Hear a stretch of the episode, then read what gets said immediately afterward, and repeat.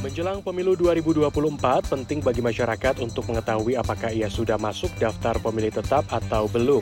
Hal ini dilakukan untuk memastikan agar masyarakat bisa menyalurkan hak suara mereka pada pesta demokrasi lima tahunan ini. Namun, masih banyak dari mereka yang belum tahu apakah nama mereka sudah masuk daftar pemilih atau belum. Belum tahu tuh ngeceknya gimana. Gimana? Sejauh ini perpatokannya gimana, Pak? Patokannya ya mungkin kepikirannya kalau misalnya ngecek di website gitu ya, mungkin masukin NIK gitu ya atau nomor KTP. Nah, cuman belum kepikiran aja kan kayaknya masih jauh banget gitu. Biasanya eh, Pak RW ya ke rumah, nanti disuruh nyoblos gitu, dikasih suratnya kayak gitu. Surat pemilihan, Kalau secara online itu tahu nggak? nggak tahu. Sudah, sudah tahu dari Panwaslu kemarin sempat sosialisasi juga ke rumah.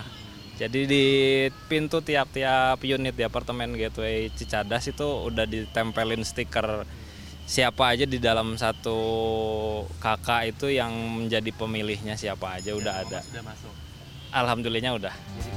Untuk mengetahui nama kita sudah terdaftar sebagai pemilih dalam pemilu, kita bisa mengecek langsung pada laman cekdptonline.go.id. Masyarakat selanjutnya harus menginput nomor induk kependudukan secara lengkap, setelah itu akan tertera status Anda. Ketika Anda sudah memasukkan nomor induk kependudukan, nanti akan ada informasi checklist atau eh, centang satu yang kemudian ini artinya Anda sudah menjadi salah satu pemilih pemilu 2024. Di sini Anda harus memastikan beberapa hal, mulai dari nama Anda, NIK Anda, dan juga nomor kartu keluarga Anda.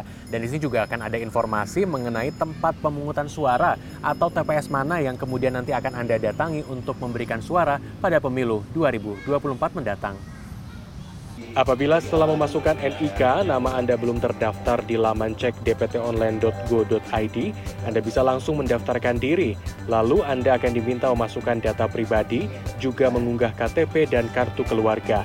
Setelah itu, Anda dilakukan proses verifikasi. Penting untuk mencantumkan alamat email dan nomor HP, karena hasil verifikasi akan diinformasikan melalui keduanya. Nah kalau memang datanya eh, memerlukan konfirmasi akan diminta PPS diturunkan untuk diverifikasi.